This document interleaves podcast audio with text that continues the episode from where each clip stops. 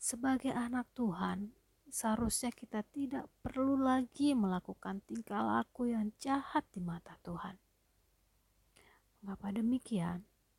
Karena Tuhan mengajarkan kita untuk mengasihi.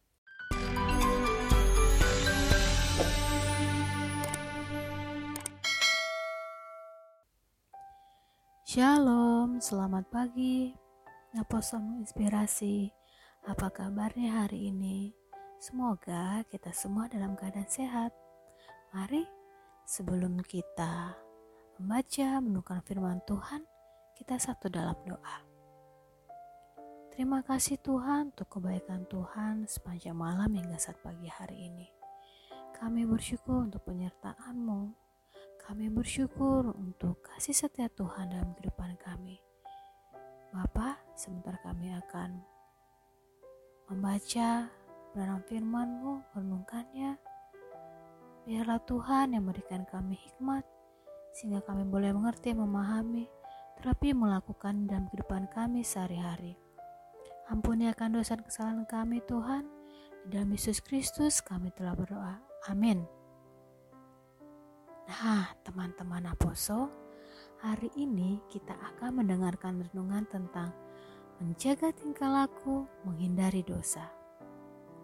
Menjaga tingkah laku dan menjadi teladan dalam tingkah laku merupakan sesuatu hal yang tidak mudah untuk dilakukan.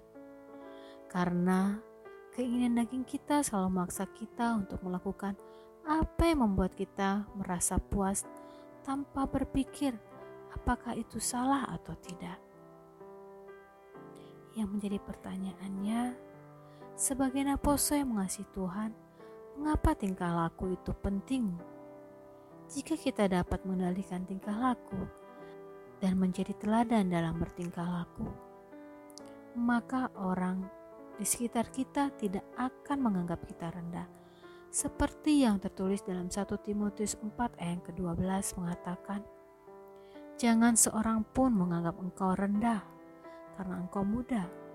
Jadilah teladan bagi orang-orang percaya dalam perkataanmu, dalam tingkah lakumu, dalam kasihmu, dalam kesetiaanmu, dan dalam kesucianmu.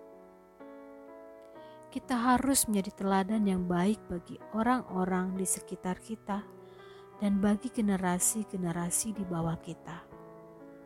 Tingkah laku kita haruslah mencerminkan kalau kita adalah anak-anak terang, sehingga orang yang melihat kita bisa percaya Tuhan dan terberkati melalui tingkah laku kita. Mengendalikan tingkah laku dapat menjauhkan diri dari dosa. Kita semua tentunya tahu ketika umat Israel dalam perjalanan menuju tanah perjanjian, ketika mereka di padang gurun mereka tidak menjaga tingkah laku. Mulai dari mereka membuat anak lembu emas untuk disembah, mereka mengeluh dengan pekerjaan tangan Tuhan, mereka bersungut-sungut, dan masih banyak lainnya. Bisa kita baca dalam kitab keluaran di dalam perjanjian lama. Nah, teman-teman apostle, sebagai anak Tuhan, seharusnya kita tidak perlu lagi melakukan tingkah laku yang jahat di mata Tuhan. Mengapa demikian? Karena Tuhan mengajarkan kita untuk mengasihi, seperti yang tertulis dalam kitab Matius 22 ayat yang ke-37 sampai ke-38. Nah, nanti teman-teman bisa membacanya. Nah, teman-teman seperti juga yang tertulis di dalam kitab Roma 12 ayat 2 mengatakan Janganlah kamu menjadi serupa dengan dunia ini, tetapi berubahlah oleh pembaruan budimu, sehingga kamu dapat membedakan manakah kehendak Allah, apa yang baik, yang berkenan kepada Allah, dan yang sempurna. Marilah kita menjadi teladan dalam tingkah laku kita dan menjauhkan diri kita dari tingkah laku yang jahat yang melukai hati Tuhan bahkan melukai hati sesama kita. Mari teman-teman, kita satu dalam doa. Bapa yang baik, terima kasih untuk renungan firman Tuhan saat pagi hari ini. Tuhan, biarlah Engkau yang memampukan kami sebagai anak-anakmu untuk kami dapat menjaga tingkah laku kami sehingga kami tidak senantiasa selalu melakukan kesalahan dan kesalahan yang berulang.